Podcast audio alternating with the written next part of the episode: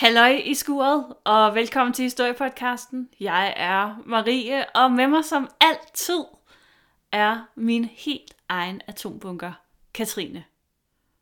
Hej Marie, hvordan går det? Og det går godt. Går det godt for dig? Altid, jeg har glædet mig til i dag. Det kan, det, og det undrer mig faktisk lidt. Fordi at, øh, Ja. i, jamen i dag, der skal vi jo snakke om øh, arkeologi, og du hader jo arkeologi. Nej, jeg hader bare arkeologer. Det er noget andet. det kom. Jeg har faktisk glædet mig helt vildt til i dag, fordi øh, vi skal snakke om noget, som jeg elsker at snakke om.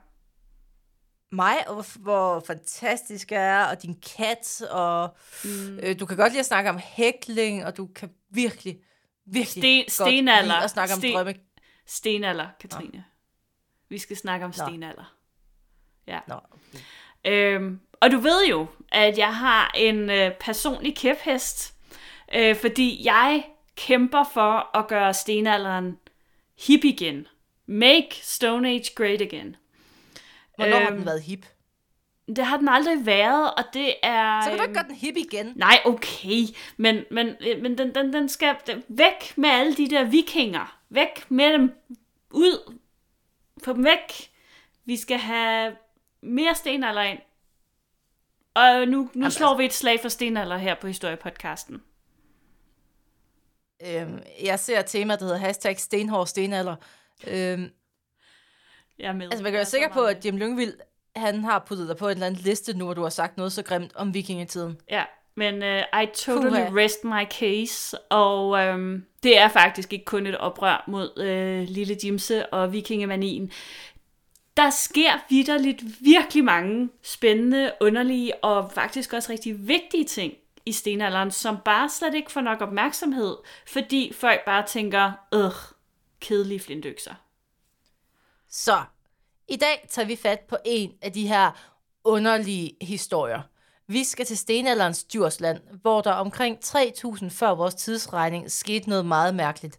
Jeg vil lige indskyde, at du kan se Djursland konter meget mærkeligt, og det gælder gennem tid og rum. Det er ikke kun stenalder specifikt. Nej, det kunne man, det er en, øh, det, det er ligesom, det er en konstant på Djursland. Hvad der sker på Djursland, bliver på Djursland, har jeg hørt. Der er dejligt i øvrigt. skønt. Jeg har aldrig været der, men jeg har set billeder derfra, og det ser dejligt ud på Djursland. Jeg, skal, jeg vil gerne til Djursland. Jeg vil faktisk super gerne til Mols Bjerge. Øh, Men det er en anden historie. Øh, fordi i dag der skal vi tale om det, som man inden for arkeologien kalder for gruppekeramisk kultur. Og oh. det, jeg ved det godt, det er øh, måske Okay, lytter, I skal lige vide, at øh, Katrine har fået det her halløj. Hvad, hvad hedder sådan en tingest? Øh, jeg har fået et soundboard. Du har fået et soundboard, og hun kan ikke administrere det. Og når noget begynder at blive lidt småkedeligt, så bliver Katrine, så laver hun lyde. Nej, det kunne jeg aldrig finde på. Kan vi få de der chipmunks ud herfra nu? Vi skal tale om Okay. gruppekeramisk kultur.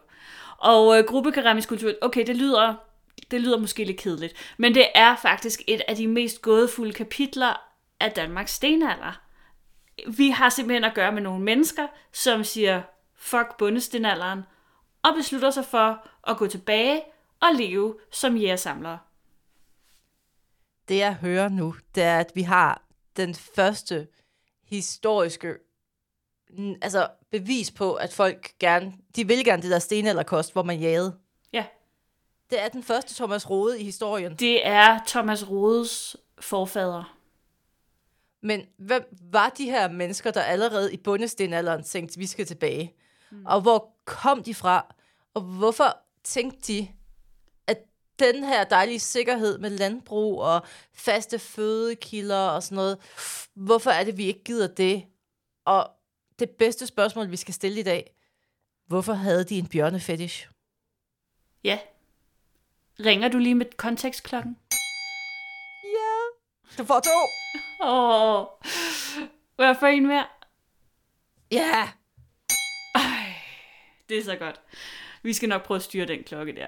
Øh, men øh, Ja, Du er helt betuttet over den. Jamen, jeg er helt, altså, jeg er helt på halen. Vi øh, skal jo lige sætte scenen omkring øh, det her. Og vi er jo i den periode af stenalderen, som vi kalder for bundestenalderen. Og faktisk var det på det her tidspunkt mere end 1000 år siden, at vi var blevet bønder. I Danmark og i Nordtyskland og i Sydsverige, der tilhører den her første bondekultur det, som kaldes for traktbærkulturen. Jeg har opfølgende spørgsmål. Hvad er trækbærkulturen? Øh, jamen, traktbærkulturen er simpelthen den første kultur, som... Altså, det er ligesom dem, der kommer med, med korndyrkning og, og husdyr. Og, og de er... Jeg tror, vi kommer til at snakke øh, lidt mere om dem senere ned. Øh, de er ligesom opkaldt efter deres karakteristiske lærkar, øh, som ligesom har sådan en, en traktformet... De er Jeg traktformet. beder til, at vi ikke om par tusind år, der står nogle fremtidsarkeologer, kigger på os og kalder os kælervasekulturen. Det gør de helt sikkert. Jeg vil dø. Det er sådan noget med, altså især, især den der flotte med, øh, med øh, bronzeringene. Det er, det er jo høvdingekultur at have sådan en. Det var I det det, mindste, det er højstatus. der forgår. Jeg er glad for, at Kai Bøjsen træ, det forgår. Så vi ikke bliver kendt for det. Hvad med Paul Pava-malerier? Ej, nej, nej, nej, nej. Nej, nej, nej, nej. Videre. Det er dig, der Bønderne, skal... de... Ja, ja, altså bønderne, de ændrer jo landskabet fuldstændigt.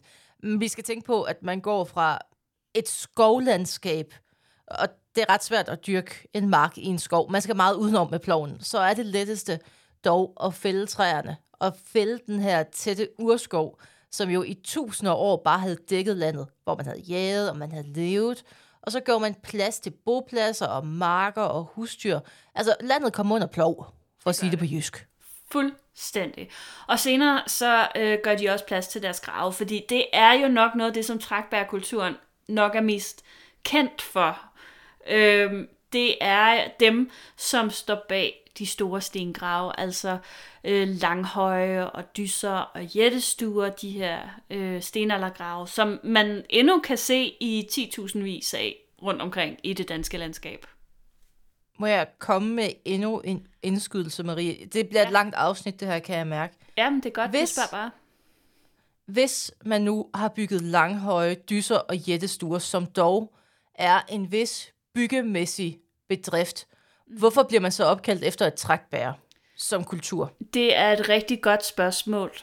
Og, øh, og jeg synes generelt set, at øh, arkeologien har nogle udfordringer mm, i forhold til navngivning af kulturgrupper. Altså, de, de kunne have heddet alle mulige seje ting. Men man, Jeg kan mærke på mig selv, at øh, Katrines arkeologihåndbog, den tager form nu. ja, du, du, øh, du omdøber dem til noget andet. Jeg vil ikke... Altså, mit mål er jo, at jeg ikke skulle kunne gå ind på et fortidsmuseum, uden at de kaster noget efter mig. En flintøkse. Ja, ja. Altså, jeg vil Eller et, træk, her- et trækbærkar. Altså, det er det dysemestrene. Dysemestrene. Ja, det kunne de godt. Langhøjskaberne. Ja. Langhøjskaberne. Jeg kan godt lide det. Jeg kan godt lide det. Jættestuearkitekterne.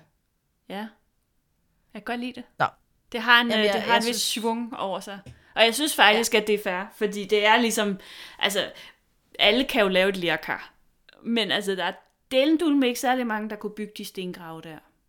Der er jo en grund til, at, ja. at man sådan kalder dem lidt for sådan Nordens pyramider, fordi det er altså sådan nogle voldsomme ingeniørbedrifter, som, øh, som de har gang i der. Det er jo nogle fucking store sten. Og så har man Ja. bare shortcuttet dem. Der sidder et eller andet forsmået arkeolog og sagt, ej, det her bærer. Ja, Det er det. men det er typisk dansk, Det er en ikke? arkeolog Altså, det er bare sådan med speciale i keramik, der bare har fået for meget magt. Ja, så meget, så meget. Og en af de lidt mærkelige ting ved den her trækbærkultur er, at den var jo landsdækkende. Ja. Ja. Altså, i, vi er jo i stenalderen, og der var kommunikationsveje begrænset, fordi igen, urskov. Det er- Urskov. Den eneste måde, du kan komme rundt på, er med en stammebåd. Altså, at man kommer bare, man kommer måske ikke så langt omkring. Og det er bare, altså, det er sådan lidt mindblowing, hvordan at det kan lade sig gøre, øh, det her. Men, men altså, vi ved, vi ved meget lidt om, hvordan, og vi ved slet ikke noget om, hvem der styrede det her show. Men det ser ud som om, at trækbærkulturen blev styret i et eller andet omfang. Øhm, fordi både de her stengrave, dyser og jættestuer, men også de famøse lærkar, trækbærkarne, øhm, de er ens, fuldstændig ens, uanset om du så bor på Lolland, eller om du bor i Vendsyssel. Så altså, der er et eller andet, der man formår at kommunikere, det er sådan her, vi gør. Der er ikke, der er ikke plads til individuel kreativ udfoldelse i trækbærkulturen. Der er en måde at gøre tingene på. I det hele taget, kan man sige, så virker trækbærkulturen som et ret nederen sted øhm, at, at leve. Øhm, de er meget, meget konservative og øh, har nogle virkelig rigide traditioner. Der sker nærmest ingenting, altså sådan udviklingsmæssigt, i en periode på måske 500 år. Altså det er meget, meget lidt, der ændrer sig i en periode på 500 år. Og, øh, og, og altså det siger noget om, at man har, man har jo stået imod udvikling i så fald. Man har ikke villet ændre på ting. Men, og der er et kæmpe men, mm-hmm. efter omkring 1000 år, der sker der noget, og der er ikke rigtig nogen, der ved, hvad præcis der sker. Men det virker lidt som om, at den her trækbære kulturs magt, den begynder at slå revner. Der er et eller andet ungdomsoprør på vej. Det er øh, måske sådan noget i den stil, vi er, vi er vidne til på cirka 5.000 års afstand. Altså øh, der omkring 3.000 før vores tid, der synger trækbærkulturen på sidste vers, og så er det, det sker af langs de nordøstlige kyster, øh, på især i Jylland, øh, der dukker nu sådan en, en række nye bopladser op, og fundene herfra, de adskiller sig markant fra de fund, man finder på trækbærkulturens bopladser. Ja, fra trækbærkulturen, det var bønder, og de levede af at dyrke korn, og de levede af at holde dyr. Og så kommer de her nye mennesker på nordkysten, og de lever på en helt anden måde. De er nemlig jæger og samlere. Det er sådan meget old school på det her tidspunkt. Det er meget old school, og det er jo så dem... Ja, man betragtede som... jo bundestenalderen som et skridt frem. Ja. Er det ikke det, man gør i virkeligheden? Man ser det som et skridt frem i civilisationen, og så begynder man ligesom at slå sig ned, og så bygger man, og så får man bygget en landsby, og så har man det, og så foregår udviklingen i det afgrænsede område. Hvorimod jægerne, de var noget mere mobile, og det var der nogen, der har betragtet som et tegn på, at der måske ikke skete så meget kulturbygning. Mm. Am I right? Fuldstændig rigtigt. Og, og man kan sige, at, at, at det her, den her historie om, om, om den gruppekeramiske kultur er i virkeligheden også lidt en, en kommentar til den her idé, som jo er meget gammel, men som du netop siger, med at al udvikling i vores forhistorie bliver set som et skridt opad på en eller anden stige fra nul civilisation til nutidens samfund, som selvfølgelig er det mest civiliserede. Øhm, og, og landbrugets indførelse og trækbærkulturen og alt det her, det er ligesom et skridt opad på den her stige. Så det som i den logik gruppekeramikerne de gør, det er, at de træder et skridt ned ad stigen, tilbage til noget mere usiviliseret. Men det gør de jo ikke. Altså, det er jo ikke det, der sker. Og, og, og i virkeligheden, og det, og det kan man så, det kan jeg jo så snakke meget mere om i et, måske et andet afsnit, men at, at, at, at overgangen til til bundestenalderen overhovedet ikke er et skridt opad på nogen som helst civilisationsstige. Øh, tværtimod, så går alting mere eller mindre fuldstændig ned ad bakke, sådan både øh, helbredsmæssigt og økonomisk, og måske også lidt kulturelt, efter vi bliver bønder. Så måske kan man i virkeligheden sige, at de her gruppekeramikere, de, de gør det, som alle burde have gjort og sagt, vi, vi kører lige, vi spoler lige tilbage, vi renser, vi, vi visker lige tavlen ren og så prøver vi lige en gang til. Men øh, nu gør vi det igen, Marie. Ja. Gruppe keramikere. Ja. Og nu kommer vi til et punkt, hvor vi har to modstridende altså livsfilosofier. Ja. Og der er jo revolution, og der er oprør, og der er jo folk, der smider korn ud og siger, nej, jeg vil fiske og skyde en hjort. Og så får de bare navnet, jamen, det er gruppekeramikere. Ja. Hvorfor skal alt defineres ud fra keramik? ja og, og det er et rigtig godt spørgsmål. Fordi, Hvorfor altså... behandler man arkeologien som i en mærkebutik? Jamen, det, jeg vil godt lade det spørgsmål gå videre. Jeg, jeg synes, at, at øh, jeg synes faktisk, at øh, den gruppekeramiske kultur, den fortjener et meget sejere navn. Altså, ja, det skal hedde oprørsfiskerne.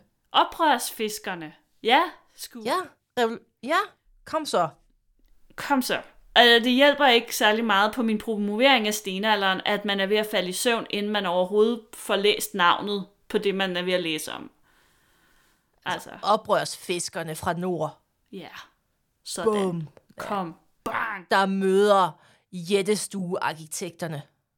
Ja. Åh. Nå, Dysedængserne. ja, mand. Det vil være godt. Sådan. Og, men, Marie, vi snakker Ja. om Djursland, og jeg fornemmer, at der sker noget Ja. på det her område nu.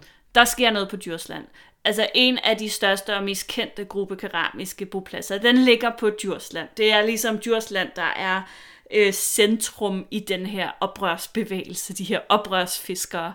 Øhm, og øh, i dag, der hedder stedet Kejnsbakke. Øh, det ligger lidt vest for Grenå. Men for cirka 5.000 år siden, der var øh, det her ja, Kejnsbakke i virkeligheden en lille ø, øh, som var omgivet af fjord og sump. Så ja, Det var sådan, altså der var lidt Christiania-følelse over det her. Ja. Altså det var deres egen stat i staten, fordi store dele af Djurslands befolkning flytter ud på den her ø, for at udleve drømmen om et andet liv. Man gad ikke at lave de tragtbærer længere. Fuck dem.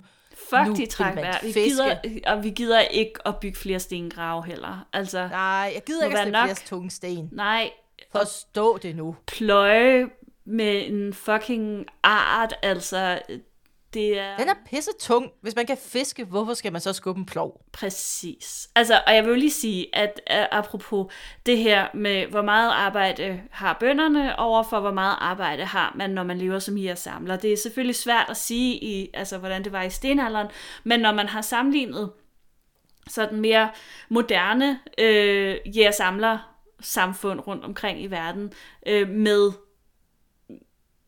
øh, hvad hedder det, landbrugssamfund, så ser det ud som om, at sådan nogle jægersamler samfund, de øh, arbejder måske 10% af deres tid. Altså det, det er den tid, de bruger på at samle mad eller gå på jagt.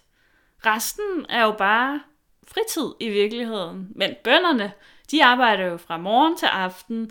Det er slidsomt, det er hårdt, de knokler, de skal slæbe den tunge art, de skal fjerne sten fra deres marker, de skal fælde træer, de skal lave alt muligt lort. Der er meget administrativt forberedende arbejde ved at have en gård. Især når man ikke har en traktor, og hvis man selv skal skubbe ploven.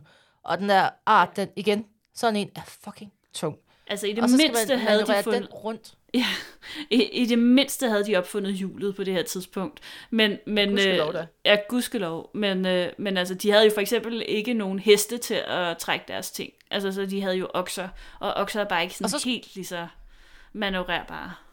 Og så skulle de her mennesker tydeligvis også have tid til at flytte store sten. Og lave trækbære efter opskrift. Så Præcis. Altså, der var ligesom, de, de, havde, de, havde, de havde deres at se til, og de her mennesker, der flytter ud på Kajnsbakke, de er sådan lidt, hvad med nej? Vi vil bare, vi vil gerne, vi vil gerne leve det frie liv. Vi vil gerne leve ligesom de gode gamle dage med de gode gamle øh, værdier. Og, og det er virkelig jo et helt andet liv, end, end det, som altså mange af de her mennesker, må man gå ud fra, er vokset op i trækbærkulturen. De er, de er kommet ud af, af et folk, der har levet i trækbærkulturen. Så, så, øh, så de har ligesom, de, de har kendt til det her samfund, og de har aktivt valgt, at vi vil noget andet. Men er det ligesom i dag, når folk siger deres job op, fordi de tænker, det her er kaninhjul? Pah.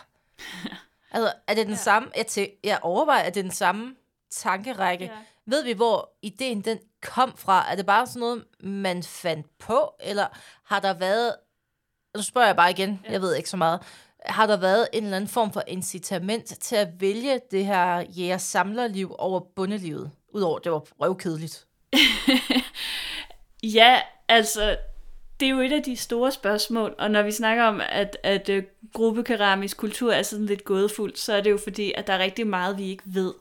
Men øhm, der er måske øh, noget, der tyder på, at, øh, at der er en lille klimaforværing på det her tidspunkt, så måske at øh, det bliver lidt koldere. Det kan godt være, at det faktisk var lidt sværere at få landbruget til at fungere, så måske der var også et incitament dertil, at at det var nemmere øh, at begynde at, at jage igen, fordi høsten slog hele tiden fejl.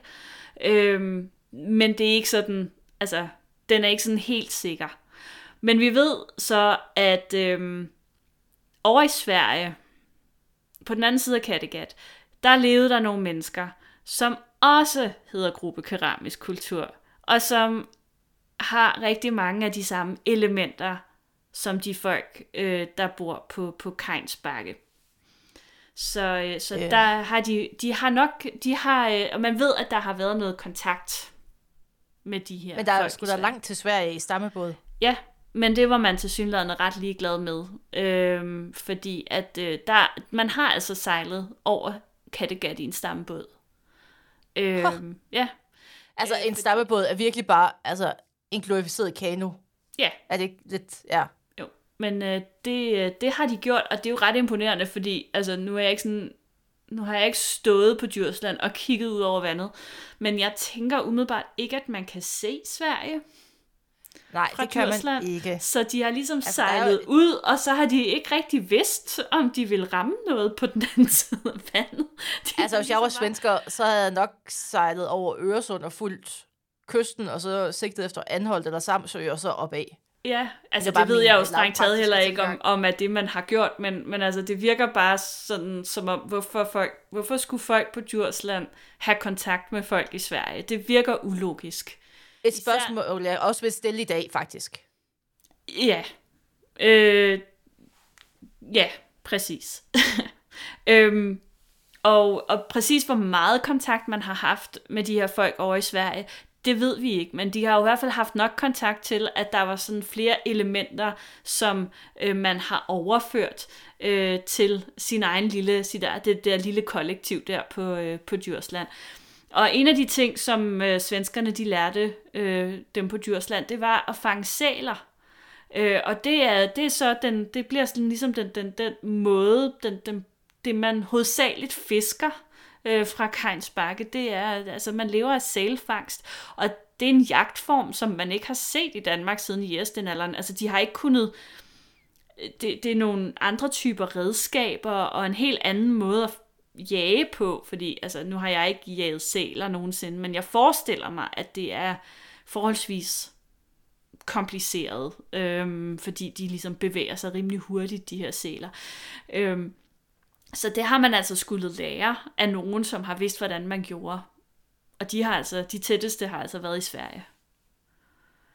Okay, så udover at man har kastet sig over og spise sæler, mm. hvad gjorde man så, der var anderledes? Fordi ellers så lyder det som et meget lille afbræk, hvis kultur, kultur kan defineres af, om man spiser sæler eller ej. Ja, det er rigtigt. Altså, der, som sagt er der mange ting, vi ikke ved om dem. Vi ved ikke så meget om, hvordan de sådan har indrettet deres samfund på, og hvordan de har levet. Fordi hvis man ser, trækbærkulturen har formentlig været sådan et meget hierarkisk samfund øh, på en eller anden måde. Man, man regner lidt med, at der har været en eller anden form for, nu bruger jeg bare sådan nogle lade ord, som nok ikke rigtig passer, men altså sådan en form for præste et præsteskab eller sådan et eller andet, som har styret øh, samfundet meget, meget stramt. Øh, mm. Det har vi nok ikke på samme måde hos gruppekeramikerne. De er ligesom brudt ud af det her. Så, så det er jo ligesom, at de har forladt en eller anden kult for ligesom at lave deres egen kult, kan man sige. Øh, men, deres men, egen ø-kult med Deres egen ø-kult med sæler og bjørne, men dem vender vi jo tilbage til lidt senere. Men vi kan jo altså se øh, på de ting, som de efterlader. De laver ikke trækbærkar, de laver nogle andre typer lærkar. De laver også nogle andre typer pilespidser, som de også Ej. må have lært af svenskerne. Øh, og, og så kan vi jo se på det mad, eller de madrester, som er efterladt på bopladsen, altså i form af knoglemateriale, at, at de spiser anderledes. Så, så altså, hvis det på nogen måde kan repræsentere et voldsomt kulturelt afbræk i forhold til trækbærkulturen, så, øh, så er det i hvert fald øh, beviset. Ja, og nu kigger jeg ned på vores noter, og du har skrevet, altså nærmest i lyserød og med hjerter, gruppe A47. Hvad er gruppe A47? Ja. Og hvorfor øh, fortjener den hjerter, at mit næste spørgsmål, og hvorfor er der ikke hjerter om mit navn? Øh, ja, men det, det synes jeg, vi skal snakke om bagefter, måske. Nå. Nej, men gruppe A47 er ligesom øh, gruppen øh, på bopladsen. Og det er det, fordi at Hvad det er en gruppe? en gruppe. Ja, lad os starte med det. En gruppe er en nedgravning, og normalt vil jeg måske sige, at det var sådan et affaldshul, eller det kunne være en form for køkkenmøding, men i det her tilfælde er det nok noget lidt andet øh, fordi at der er nok i højere grad tale om, at de ting, der er endt i det her hul, har været del af en eller anden form for offring, eller noget, et ritual, eller et eller andet, fordi det er så mærkeligt, det her.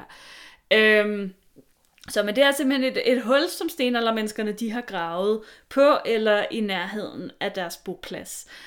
Og øh, da arkeologerne så udgravede den her gruppe, så fandt de ikke mindre end 9.000 lærkarskov, som stammede fra mindst 530 lærkar. Det er altså absurd mange, vil jeg lige sige. Det, det ved man måske ikke, hvis ikke man er arkeolog.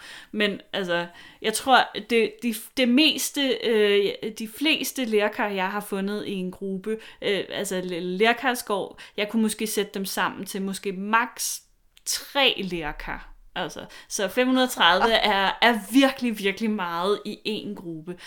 Øh, derudover så var der øh, over 20.000 flinteredskaber. Det er også, altså det er fuldstændig whack, hvor meget det er. Det er som om, de har taget alt, hvad de nogensinde har lavet på den boplads, og hældt ned i det her hul. Ja, hvorfor har man gjort det? Jamen, det, det, er, jo, det, det er jo et godt spørgsmål. Det, det, er, det ved vi simpelthen ikke. Det ved jeg ikke, altså det, kan, det kommer vi måske, vi kommer måske lidt ind på det senere. Øh, men, øh, men, men udover de 20.000 flintredskaber, så var der så også 10.000 dyreknogler. Også en chat. Og det her, det bliver virkelig mærkeligt, fordi noget af det, som var i blandt de her dyreknogler, det var blandt andet, det var kranier, det var knogler og det var tænder fra mindst 10 brune bjørne. Øhm, det er mærkeligt. Men derudover var der også underkæber og kranier fra kronhjort og el. El er også ret mærkeligt i en dansk kontekst på det her tidspunkt. Og så var hele molevitten toppet af med vingen fra en pelikan, som øh, også er lidt usædvanligt. Jeg tror ikke, jeg har set en pelikan i Skandinavien. Nej, men altså, der var pelikaner i stenalderen i Danmark. Men jeg ved ikke, hvor mange der var tilbage på det tidspunkt. Bring ja. back the pelicans! Ja. Bring back the pelicans! og ved du hvad, det er jo også lidt derfor, når... for pelikaner? Ja, men det er jo også lidt derfor, når man tænker nogle gange, og folk de snakker om invasive arter, så har det jo også sådan lidt, nøje okay. Men altså, vi har jo haft vildt mange dyrearter, som er forsvundet. Øh, og som, som vi så, altså hvis der kom pelikaner i den danske natur i dag, vil man jo sige, at det var en invasiv art, men der var jo altså en gang, hvor der var pelikaner i den danske natur. Pelikanen er jo på mange måder en fancy skav. Så hvorfor ikke? Ja, ja, præcis. Ja, ja. Øhm, men det, der er sjovt, bjørnene er ret... Nu snakker vi om, at man har fældet ret meget skov. Ja. Var der bjørn tilbage i Danmark på det her tidspunkt? Min lille zoolog, fortæl mig det. Nej, altså der var til synlædende ikke særlig mange bjørne øh, tilbage i Danmark på det her tidspunkt. Og faktisk, indtil man fandt den her gruppe øh, ved Keinsbakkes, så regnede man faktisk med, at bjørnen var uddød i Danmark øh, omkring 3000 før vores tidsregning, eller, eller i slutningen af bundestenalderen. Altså, der, der var ligesom ikke rigtig, der var ikke nogen, der var ikke nogen steder tilbage for dem at leve. Åh. Ja. Hvor, hvorfor er de der trækbærer så nederen? De, De er bare have jagtet dem. Ja. De kunne, de kunne have jagtet dem, så der ikke var flere, men de fælder bare deres skov. Ja, Det er den dogne måde at udrydde en art på. ja. Sig det Altså- til dem over i Amazonas. Jeg ringer til dem og siger, tag jer sammen. Gå ud og wrestle den jaguar, hvis I vil af med den. Ja. Lad være med at fælde Men- regnskoven. Ja, lad være med at være nogle douchebags. Men kunne der ikke teoretisk set have været nogle enklaver med noget skov, hvor du har boet et par bjørne?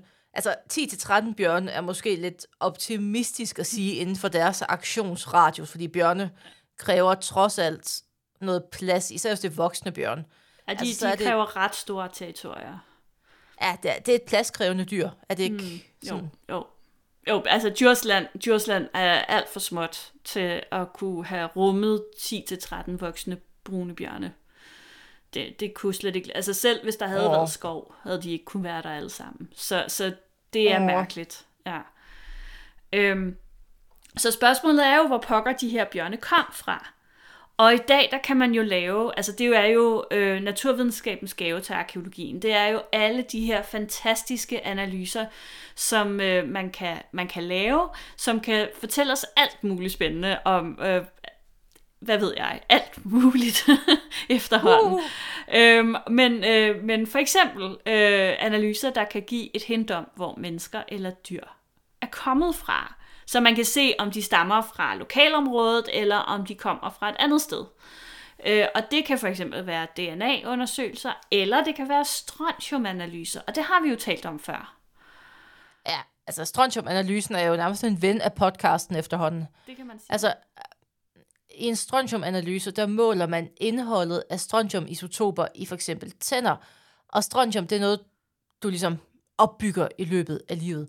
Mm. Og mængden af strontium, den varierer fra, altså fra egen til egen, både i Danmark og i Europa. Så det bliver sådan en slags fingeraftryk af, hvor du har opholdt dig, eller primært har opholdt dig. Ja. Og så kan man bruge det som et analyseredskab til at få en indikation på, hvor folk eller dyr har haft deres hjemstavn, og hvor de er stammet fra. Og DNA-undersøgelsen, den vil være interessant i forhold til, hvis man havde en sample fra nogle bjørne et andet sted, så kunne man se, at de her bjørne i familie. Mm. Så det er lidt forskellige redskaber, men det kan hjælpe til en forståelse for, eller af, hvor ting kommer fra. Lige præcis. Og, øh, og man har lavet strontium-analyse på de her bjørneknogler, øh, og, øh, og analyserne viste, at, at mindst fire af de her bjørne, de altså kom fra Sverige. Øh, men hvordan de så er kommet fra Sverige til Djursland, øh, det, det, ved man, det ved man ikke. Hvis Øh, to ord. Ja. Stammebåd. Hvis der er fire bjørne, der kan ro, så Ja. tror jeg, at de kan komme ret langt på en dag. Jeg ser for mig øh, fire bjørne, der ror en stammebåd hen over Kattegat. Over Kattegat. Ja. Ja. Ja. Og altså isbjørne, de kan da svømme, altså, de kan da svømme en del. Ja, altså, i, i, jeg tror, øh, at det længste, den, den længste registrerede distance, en isbjørn har svømmet, det var 350 km. Men, øh, men, men jeg har faktisk slået det op, og brune bjørne kan ikke svømme særlig langt. Der adskiller Nej, de sig åbenbart fra, fra de andre bjørne. Jeg ved ikke, at de er større, eller mere Jamen, de, er, ja, de, har jo ikke, de har jo ikke noget behov for at kunne svømme. Nej, så altså langt. de kan, de, De kan, kunne de svømme kan ud af sådan, øh, fisk. De kan hundesvømme, ligesom mig. Øh, og så kan de svømme sådan korte distancer, og sikkert også i mere sådan, du ved, smulte vande, øh, hen over en flod eller et eller andet, ikke? Øh, det er meget usandsynligt, at en brun bjørn vil være svømmet over Kattegat. Så Men, ja, øh, de, altså, de har formentlig kommet over i en stambåd på en eller anden måde. Men kunne man ikke tænke, at man har haft nogle bjørneunger med over i stammebåden? De er jo søde og håndterbare. Og så har man lavet dem vokse op, og så har man indsat, ligesom med alle andre kæledyr, at den karakter, tænk, den er måske lidt... De er måske lidt meget at have 13 voksne bjørn på bopladsen. du ved, ligesom dem, der køber ja. en, en, en eller anden hund, og så ja. har de fundet ud af, at den er måske ikke så sød, når den er voksen, og hvorfor bider den? Eller, det er bare en hund eller på et tiger 500 kilo. Eller sådan noget. Ja, Ja. ja, ja. Så lidt. Tiger King-agtigt. Det kan være, det var en Tiger King kult. Det var Tiger King-kulten. Ja, jeg, vil, jeg vil ikke udelukke, at det er det, der kan være sket, øh, men den, den, øh, den, den, den fremherskende teori, som, som jeg ikke sådan, altså, jeg har ikke kunnet læse mig frem til præcis, hvad man bygger det på, men øh, den er faktisk en lille smule mere makaber, fordi de regner med, øh, fordi det ikke er hele bjørne, altså det er jo kun dele af bjørnene, øh, så regner man med, at, at man simpelthen har importeret kranier og knogler fra bjørne. Æh, altså nu siger du makabert, men der er jo mange, der har været på jagttur i Afrika og taget en hjort med hjem derfra. Så jeg ser det ikke som værende mere makabert, end man gerne vil prale med, at man har nakket en bjørn på et Du tidspunkt. siger, det er bare sådan et, øh, det er sådan et trofæ, som de har haft hængende på væggen. Jeg siger bare, hvis der kom en med bjørnekranie og sagde, at vedkommende havde nakket bjørnen, så vil jeg have en automatisk øh, respekt for vedkommende. Og jeg tænker, det er et godt øh, hej. Jeg har, jeg har slået en bjørn ihjel. Vær sød og lad være med at fuck med mig ting, hvis man kommer fra Sverige. Det er Ellers så rigtigt. siger man, det og- hedder, hedder, hedder bjørn. Og, altså, jeg tænker, at, øh, at det har måske også sendt et signal til, øh, til trækbærkulturen, øh, hvis de nu har tænkt, at de skulle prøve at få de her folk tilbage ind i folden, og måske har ville bruge vold, øh, at, øh, at så har det virket sådan ret afskrækkende, hvis der har hængt øh, bjørnekranier og sådan noget, som man har kunne se ude på den her ø, og man har bare tænkt, de der folk, dem tror jeg bare, vi lader dem bare være, fordi det der, det magter Ja, jeg vi tænker, ikke, dem fucker og- man ikke med. Nej, dem fucker man ikke med. Øhm, Og, så det er folk, der spiser sæler og importerer døde bjørne og bor på en ø. Jeg er rimelig solgt på det. Men jeg har brug for at spørge, ved vi, altså, hvorfor? Hvad, hvad, hvilken rolle spillede svenskerne ellers, udover at lære dem de her uvaner? Jamen, altså, det, det er jo det igen, det, det, det pokkers svær arkeologi, ikke? Jeg ville ønske, at jeg kunne svare på det. Men, øh, men, men altså, det virker som om, altså teorien er lidt, at det ikke kun har været sælfangst og måske nogle nye typer af lerkar pilespidser, som svenskerne har lært de her folk fra Djursland. Det har også været øh, en decideret bjørnekult. Øh, og jeg har ikke kunnet finde så meget information om det andet end at, øh, at man ved, at man både i Sverige og Norge og, og i de samiske områder havde sådan et ret intenst forhold til bjørne, øh, hvor man har brugt dem som en del af sådan shamanistiske ritualer. Altså inden for shamanismen, der, øh, der er det jo sådan noget med, at man kan øh, hvad skal man sige, blive til et dyrs ånd, og så kan man tage på sjælerejser. Og, øh, og, og der mener man, at, at bjørnen så har, øh, har, har fungeret som en, en vigtig del i de her sjælerejser, enten som en, man forvandlede sig til, eller som et beskytterdyr, fordi man, det er vigtigt at have et beskytterdyr med på sine sjælerejser, fordi man kan have brug for beskyttelse, åbenbart. Øh, nu siger jeg bare noget. Ja. Hvis man har set filmen Bjørnebrødre fra Disney, så, så forstår man det der 100%. Okay, altid også. Igen, hvis du bare, igen, alt det du kunne vide, hvis du gad at sætte dig ned og se Disney-film. Ja, jamen, jeg ved det godt. Så, øh, så umiddelbart, så, øh, så er der altså tale om, at de her folk på Djursland, de har været involveret i en eller anden form for bjørnekult, som de har Så man har importeret ja, man har importeret en bjørnekult.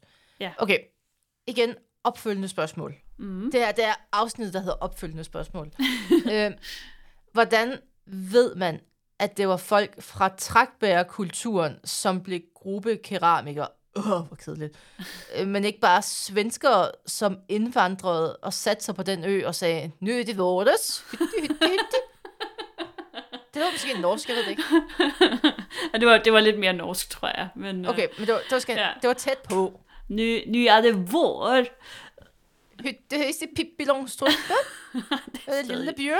Du er virkelig dårlig til svensk øh, Ja. accent. Jeg kan vidderligt se Sverige fra mit vindue, så jeg gør meget ud af at, Og tale ikke kunne forkert. svensk. Ja, jamen, Ja, de godt. skal ikke få nogen idéer. Jeg skal ikke tro noget. Men Ej, godt, du spørger, altså. Øhm, og igen kan jeg jo bare give det typiske arkeologs øh, svar. Altså, det er jo et godt spørgsmål. Vi ved det ikke med sikkerhed. Øh, vi ved det faktisk Det er overhovedet ikke. Ja. øhm, der er meget få menneskeknogler fra gruppekeramisk kultur. Men øh, man fandt en menneskekæbe på Kejnsbakke, som er blevet DNA-analyseret, Og det viste sig, at den for det første tilhørte en kvinde, øh, og for det andet, at den her kvinde ikke adskilte sig fra den DNA, som trækbærbønderne har. Altså alle de andre. Øhm, men det er kun den ene kæbe, man har, så vidt jeg kunne finde frem. Øhm, og derfor så tør man ikke rigtig danne nogle konklusioner på, om, om, om de var det ene eller det andet. Øh, og det ene udelukker jo heller ikke nødvendigvis det andet. Man kan jo sagtens, der kan jo sagtens have været nogen fra trækbærkulturen, som så måske har været en tur i Sverige. Måske har de taget nogle mænd eller damer med tilbage til Djursland. Altså, det kan jo også Og bjørne. øh, foregå på det. Op, sammen med bjørnene, ja, klart. Øhm, men, men der er grund til at tro, at øh, det ikke var svenskere. Øh, fordi, altså rent i hvert fald. Øh, for, øh, fordi at de her danske gruppekeramikere, de er ikke en tro kopi af den svenske udgave. Øh, de har sådan en mere selektiv tilgang, og de har sådan udvalgt forskellige elementer af den svenske gruppekeramiske kultur, og så har de ligesom bare lavet deres egen udgave af den. Så det er sådan, Så det er sådan en ja. dobbelt udvandringskultur i virkeligheden. Øh, på en måde, altså man kan sige, at, at det som man tænker, ikke, det er, at de her folk, de er brudt ud af trækbærkulturen, så har de bosat sig på den her ø, så har de lært de her svenskere at kende, eller måske har de også kendt dem før, måske har de været en tur i Sverige og blevet inspireret øh, af det, og så har de taget de her elementer med hjem, og så, så har de sagt, vi tager skud på den her ø, og så lever vi ligesom dem, fordi de har det meget bedre, og de er gladere. Ja. Men der er jo en grund til, at det ikke blev en dominerende kultur, tør jeg antage. Mm. Øh, og altså, hvor... Altså, hvorfor slutter det her? Hvorfor graver man ting ned? Fordi hvis man graver så mange ting ned, så er det jo fordi, at der ligesom er et eller andet galt. Mm. Hvis man Det kan det være, ja. graver et hul og putter alle sine ting ned. Altså, Ja, hvorfor er det, ja. det slutter? Men det er godt, det er jo igen et godt spørgsmål. Altså det, det ser ud som om, at omkring 2800 før vores tidsregning, altså hvad 200 år efter man har bosat sig ude på den her ø, der forlader man den igen. Øhm, eksperimentet, hvis man kan kalde det det, har ikke rigtig, er ikke rigtig lykkedes med at, at ligesom forankre sig på Djursland. Øhm, men det er i hvert fald, altså præcis hvad der sker, det er jo svært at sige. Det er jo et bemærkelsesværdigt sammenfald, øh, fordi den her nedgravede gruppe stammer fra 2800 før vores tidsregning. Så den er altså lavet omkring det samme tidspunkt, hvor man forlader bopladsen. Og øh, det i hvert fald når man er arkeolog, så, så kan man ikke lade være med at se en sammenhæng mellem sådan noget. Øh, en eller anden form for udtryk for, for en krise, at man har lavet sådan en kæmpe offring, eller at man på en eller anden måde har gravet sine værdifulde ting ned. Øh, det er svært at sige. Måske har der været uenigheder internt i den her gruppe, øh, som har betydet, at, at der var problemer. Øh, måske har der været uro øh, sådan generelt i området, også med, med sådan kulturerne, eller menneskerne, der boede uden for, for Kejnsbakke. Øh, måske har, er de alle sammen døde af sygdom. Øh, Måske de blev spist af en bjørn. Måske er de blevet spist af en bjørn. Vi ved det ikke. Øh, men, men som sagt, omkring 2800, så bliver bopladsen på Kejnsbakke altså forladt igen, og, øh, og gruppekeramisk kultur forsvinder. Øh, og så er vi altså bønder igen, så det er sådan et kortvarigt øh, fænomen. Igen et ungdomsoprør. et ungdomsoprør, det var godt nok i 200 år, men, men dog et, øh, et ungdomsoprør, som, øh, som på en eller anden måde lykkes i en periode, og så ikke Men- lykkes længere. Jeg, jeg har brug for at vide, hvad skete der med trækbærerne? Jamen, de forsvinder også, fordi altså, det, der, det, der, det, der sker... Hvorfor forsvinder øh, folk? Jamen, altså, det, det, sådan Det er er, kulturforandringer. altså, det er...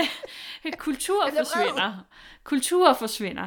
Øh, vi kommer hen, øh, når vi er omkring 2800 før vores tidsregning, så er vi også i slutningen af, i, altså, i slutningen af bundestenalderen. Og, øh, og der kommer nogle forskellige, der, der sker nogle forskellige indvandringer også på det her tidspunkt. Og generelt set, så ser det ud som om, at, øh, at, at, at trækbærkulturen fuldstændig har mistet grebet øh, om noget som helst. Så der, der kommer sådan noget knopskydning rundt omkring i Danmark, hvor at, at der ligesom opstår sådan nogle lokale lommer, som ligesom er øh, sig selv. Øh, man kan se, at de ligesom udspringer af trækbærkulturen, men de tager ligesom også deres egen retning. Og det bliver ligesom lidt ved øh, indtil omkring 1700 før vores tidsregning, hvor vi så får... Øh, hvad hedder det, øh, øh, bronzealderen begynder. Og, og så, er vi, så går vi ind i en helt anden tid. Øh, så, øh, så får vi metal, og så, øh, så bliver vi lige pludselig, så, så, så er det nogle andre ting, som man begynder at gå op i. Ej. Så, øh, Marie, det hvad, blev spændende alligevel. det synes du? Hvad synes du om, hvad synes du om de her øh, oprørsfiskere? De var nogle særlinge, der boede på en ø og nakkede sæler og havde flere bjørnekranier, end jeg har lyst til at spørge ind til. Jeg kan virkelig godt lide det. Ja, Jamen, det er jeg glad for. Jeg, jeg er fan, og jeg, igen, jeg synes, de er blevet... Øh, det er trakt øh, bære demserne jo også. De er blevet snydt for et fedt navn og en ordentlig øh, branding. Ja, det, det er rigtigt. Igen, Og, mindre og, i Mærko, mere action. Jeg vil sige, at, øh, at det bliver simpelthen, altså det bliver desværre ved øh, i store dele af bundestenalderen. Vi, vi Ej. har, altså, det, det er, navngivningen er simpelthen så kedelig. Jeg øh, vil gerne advokere for, at vi laver temaet stenhård stenalder. Hashtag stenhård stenalder. Jeg vil gerne have, at øh, du gør din arkeolog-ting, og så skal jeg nok øh, bidrage med mit øh, utrolig store vid omkring Disney-film og sten og navngivning og branding. Den, Det er øh, i orden. du bringer det faglige, jeg bringer passage, ligesom ja, i så mange det- sammenhænge, og så, så redder vi sgu den stenalder.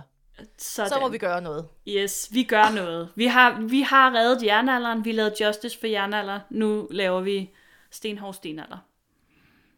Og med de ord, tak fordi I lyttede med.